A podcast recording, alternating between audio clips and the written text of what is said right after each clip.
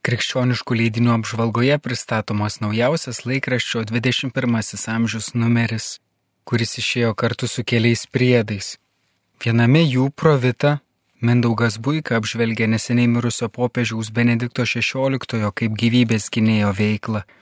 Visuotinai pripažįstama, kad mirus popiežiui Benediktui XVI tiek katalikų bažnyčia, tiek visa pasaulio bendruomenė prarado vieną didžiausių gyvybės gynėjų pastaruoju metu raštuose ir kalbose, įvairiuose susitikimuose bei bažnytiniuose dokumentuose kreipdamasis į katalikiškų organizacijų atstovus ir politinius lyderius, žmogaus gyvybės gelbėjimą ir apsaugą nuo prasidėjimo iki natūralios pabaigos, jis buvo padaręs svarbiausių pontifikato rūpeščių.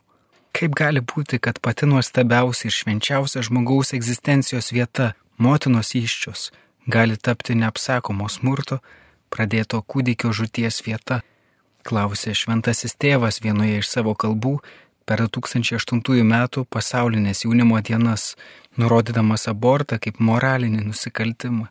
Jis nuolat pabrėždavo, kad teisė į gyvybę nebejotina ir neginčintina prigimtinė vertybė, dėl kurios negalima dėrėtis ar daryti kompromisus, kaip ir žmogaus teisė vadovautis savo sąžinę.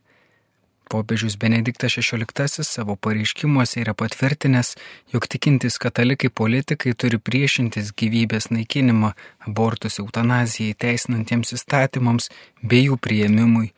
Tokių įstatymų rėmimas, balsavimas už juos yra sunki nuodėmi, nesuderinama su pilna verčių dalyvavimu švenčiant Euharistiją, šventosios komunijos prieimimu.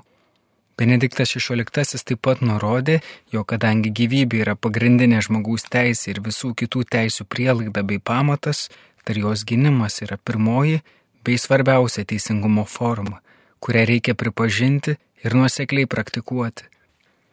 Jis abortus ir kitus išpolius prieš užsimesgusią žmogaus gyvybę, eksperimentus su embrionais ir jų naikinimą yra įvardęs kaip didžiausia neteisybė ir netgi grėsmė žmoniškumui. Kitoje publikacijoje pranešama, kad sausio 22 dieną mirė profesorius Arvidas Šeškevičius, ypač daug nuveikęs slaugos mokslo plėtros labui.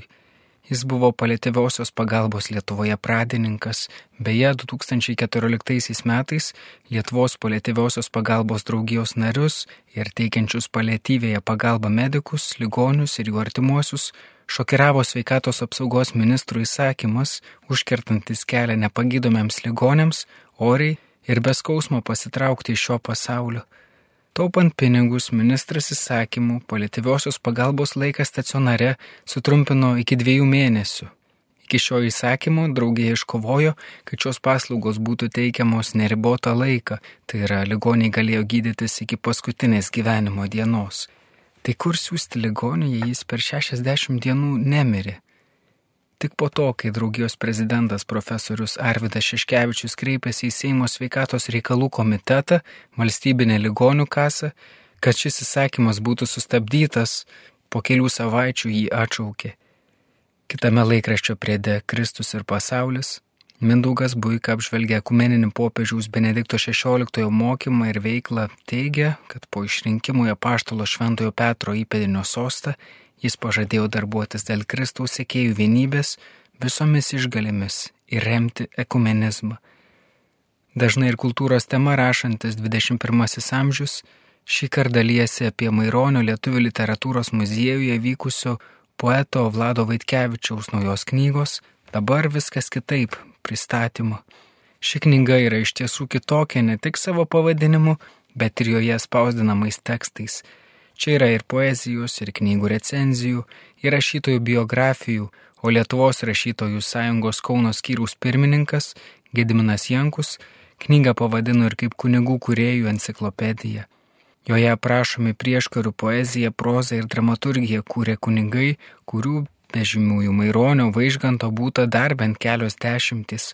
Apie juos prieš keletą metų autorius rašė ir 21-ame amžiuje. Iš tiesų mes per mažai žinome apie tų rečiau minimų arba iš vis pamirštų kunigų kūrybą. 21-ame amžiuje dar dalymas įspūdžiais iš vyskupo Jono Borutos minėjimo Vilniuje. Kitoje laikraščio publikacijoje supažindinama su kitu renginiu, kuris Kauno Panemunės bibliotekoje vyko pristatant Lietuvos nacionalinės kultūros ir meno premijos laureato Rimvido Stankievičiaus naujausią poezijos knygą Įsitvėrimai. Autorius pagarsėjo kaip ne tik parašė Sibiro Madonos litaniją, kurią tikintieji galėtų garbinti švenčiausią mergelę Mariją, bet ir kaip giesmių žodžių autorius. Kuriejas pasidalijo ir savo kaip tikinčio žmogaus maldos kūrimo išgyvenimais. Kitame priede, abipus Nemono, rasime kelias naujienas iš Lietuvos miestelių - Priekulės, Marcinkonių, Šeduvos, Kuršienų. Laikraščio 21 amžius apžvalga parengė laikraščio redakcija. Naujame žodžio tarp mūsų kovo balandžio numeryje skaitytojai kviečiami visą gavėnę kasdien mokytis Kristaus maldos mokykloje. Kaip dėrėtų melstis, ko maldoje reikėtų prašyti, mus moko pats Kristus. Šventajame rašte jis įtikimiausias ir paveikiausias maldos pavyzdys. Kristus melzdavosi nuolat. Žodžio tarp mūsų straipsneliuose apmastomos trys itin svarbios jo maldos užrašytos Evangelijose. Pirmoji - Tėve mūsų malda, kurios Jėzus išmokė savo mokinius.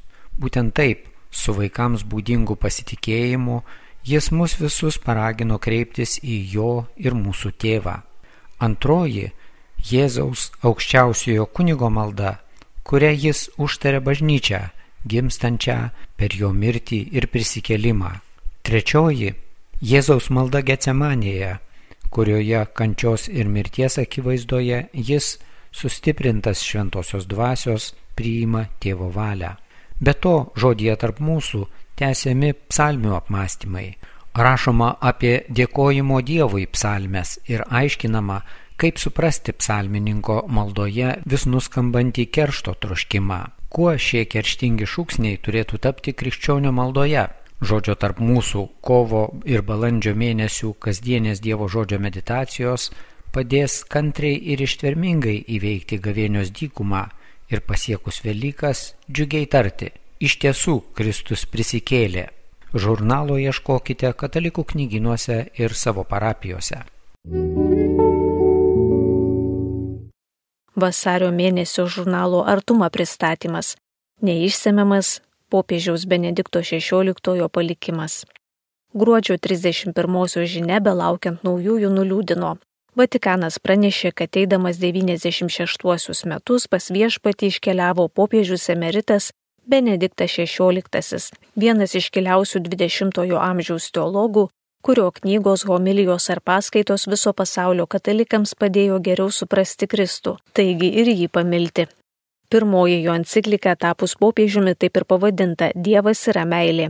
Skaitytojai stebėjosi, kaip iš pirmo žvilgsnio necharizmatiškas bejausmis dogmų sergėtojas tiesiog susprogdina jį suformuotą klaidingą įvaizdį, atskleisdamas, kad krikščionybė tai ne doktrinų ir taisyklių visuma, bet nuotikių pilnas meilės santykis su pačiu Dievu ir tai neatsieja mano meilės artimui.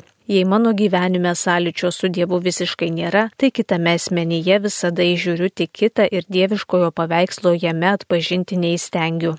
Bet antra vertus, jei mano gyvenime kitas man visiškai nerūpi, man te trokštant būti pamaldžiam, atlikinėti religinės pareigas, tai nuvysta ir santykis su Dievu. Tada jis tik korektiškas, bet be meilės, minėtoje enciklikoje sako Benediktas XVI. Meilė Kristui mums atveria prisikėlimo viltį. Jei tai reikėtų perteikti vaizdu, tam galėtų pasitarnauti šio mėnesio artumos viršelio nuotrauka. Akimirka iš didžiojo šeštadienio žiburių liturgijos. Pavargęs garbaus amžiaus popiežiaus veidas. Aplink tamsa, tačiau kartu matome šventojo tėvo šypseną ir liepsnojančią žvakę. Tikėjimo šviesos, prisikėlimo, šventų Velykų, kurio šioje liturgijoje jau greit paskelbtos simbolį. Simboliška ir tai, kad Josepas Ratzingeris gimė kaip tik didįjį šeštadienį. Ta pati Velykų sekmadienį buvo pakrikštytas. Tad šis artumos numeris be abejo skirtas šiam popiežiui prisiminti. Nors žemiškoji gyvybė užgeso, savo gyvenime Josefas Ratzingeris spėjo uždegti tokią kaitrę smalsumo ir meilės tiesai ugnį, kad tyrėjai nebejoja, ją atras ir prie jos šildysis ištisos katalikų kartos. Prisimindamas Benedikto XVI gyvenimo istoriją į savoje laiškę skaitytojams viltingai žvelgia artumos vyriausias redaktorius Darius Chmieliauskas. Pastaraisiais laikais patyręs visokių kaltinimų jaučiausi, man atrodė baisiai nelaimingas. Bet supratęs, kiek šventasis tėvas buvo jų patyręs ir viešai, ir viso pasaulio akivaizdoje, ir net iš savųjų, ir kaip ramiai, oriai, su meile ir viltyje jis visą tai išgyveno, tai giliai suvokiau, kokios menkos mano kančios ir koks nuostabus pavyzdys bei užtarėjas Benediktas XVI gali būti man ir kiekvienam, kas prašysis jo palydimas pas Jėzų. Straipsnyje Bažnyčia pagal Ratzingerį žurnalistas Simonas Bendžius kalbina kuniga daktarą Gediminą Jankūną, profesorę Ireną Vaišvilaitę, profesorių Vytautą Lišauską ir daktarę Nijolę Liobikienę apie tai, kuo bažnyčiai buvo ir tebėra svarbus, aktualus Benediktas XVI. Viena iš pašnekovių daktarė Irena Vaišvilaitė pabrėžia, kad Josefas Ratzingeris ne tik davė stiprų impulsą bažnyčios atsinaujinimui Vatikano antrojo susirinkime, bet ir stipriai prisidėjo prie didesnio teologijos atvirumo. 20-ojo amžiaus pirmosios pusės oficialiame teologijos mokyme vyravo neoscholastika. Visa tai, kas su šia kryptimi nesutapo, būdavo įvairiais būdais stabdoma buvo ir cenzuravimo ir užtildymo. Tad Ratzingeriui, jaunam teologui ir profesoriui buvo svarbu atverti tą gilinimosi dvasę. Šios ir kitos temos vasario artumoje.